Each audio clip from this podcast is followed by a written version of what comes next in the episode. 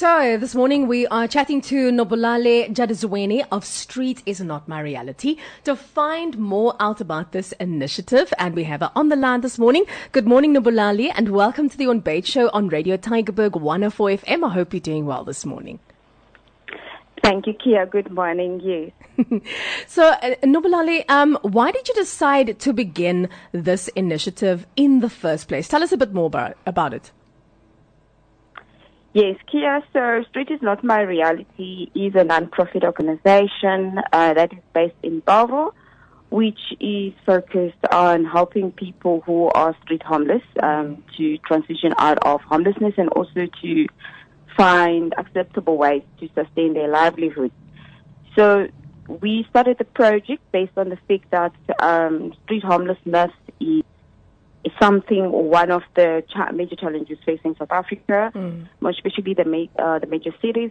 So in Bellville, we saw that a number of people that are actually sleeping outside, you know, um, is increasing, and we thought of maybe just you know assisting people with food and blankets, but then we our ways obviously were not sustainable. We realized that. Um, we don't want people to depend on us, you know, on a daily basis. And obviously, we were not able to meet their needs as well on a regular basis. So that is why I started the organization um, in order to help them, obviously, to find formally and acceptable ways to sustain their livelihoods. Mm. And uh, Nobulale, tell us about the types of challenges that you encountered uh, encountered along the way. Well, one of the major challenges uh, with regards to people that are sleeping outside, we know that um, homelessness is a complex problem. So uh, it's not a one size fits all kind of, you know, strategies that you can use. So people who are homeless, so if you give them something because they, it's challenging to live outside, so something like blankets as well as clothes. So in the long run, they in turn sell those those you know those items because they don't have money for food. Mm. And then also one of the challenges as well is the fact that homeless people they use um, urban areas, you know, like open spaces in the urban areas, obviously for accommodation purposes, and often then um, they are shifted out of these spaces. So it becomes challenging, obviously, to be able to engage with them um, on a daily basis because they're constantly shifted around the city. So you know, to maintain the relationships becomes more challenging as mm. well. So that's one of the major challenges with regards to helping with the people that are sleeping outside. So, Nobulale, you are also a beekeeper. so, explain to us what role this actually plays with what you do. Yeah, so just a bit of background. So mm. beekeeping is used by many people as a source of income yeah. um, in South Africa. And obviously, why urban beekeeping? So basically, urban beekeeping is a practice uh, used to keep uh, bees in urban areas. Okay.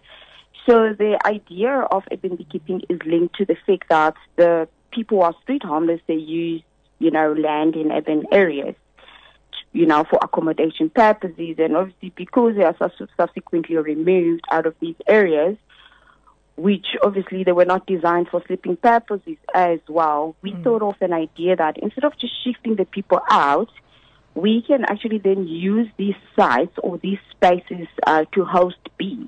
Mm.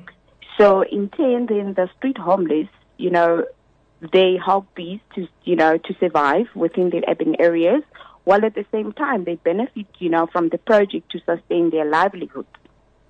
So it's more like a symbiotic relationship whereby we preserve bees because bees are, you know, they're also facing many challenges such as droughts and obviously the shortage of food, you know. Mm. So there's more food in the urban areas for bees to survive.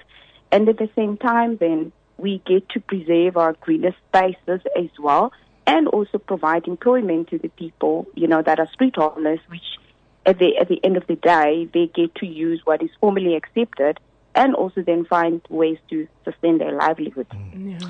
Uh, just uh, lastly, how do people connect with you? Our people connect with us. Uh, we do have an email address. We also use social media such as uh, Facebook as well as Instagram. So the name of the NGO is Street is Not My Reality. All right, awesome. Great. Nobulale, I think it's amazing work that you're doing. Um, and at the moment, you're still studying, right? Yes, I am studying. so you're studying uh, and you're doing this, yeah?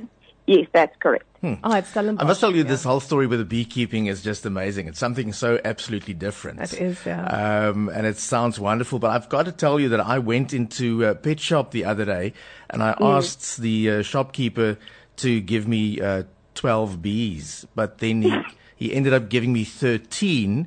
And then I said, but you've given me too many. And he said, no, but the, that one is a freebie. Ah, no! no, but Lali don't even have to laugh for that joke. it's a freebie. Anton, Anton is Anton is doing what we call flow jokes um, on the I show know. this morning. Yeah, he's he's like on a roll. You know, it's Monday, so Anton comes out full swing. Anyways. oh, no, but Lali, thank you so much um, for joining us and uh, the best of luck with uh, everything that you're doing. Um, thank I think you so it's much. Amazing. I really appreciate it. Thank you. Bye. Thank you. Bye-bye. Goodbye. Bye.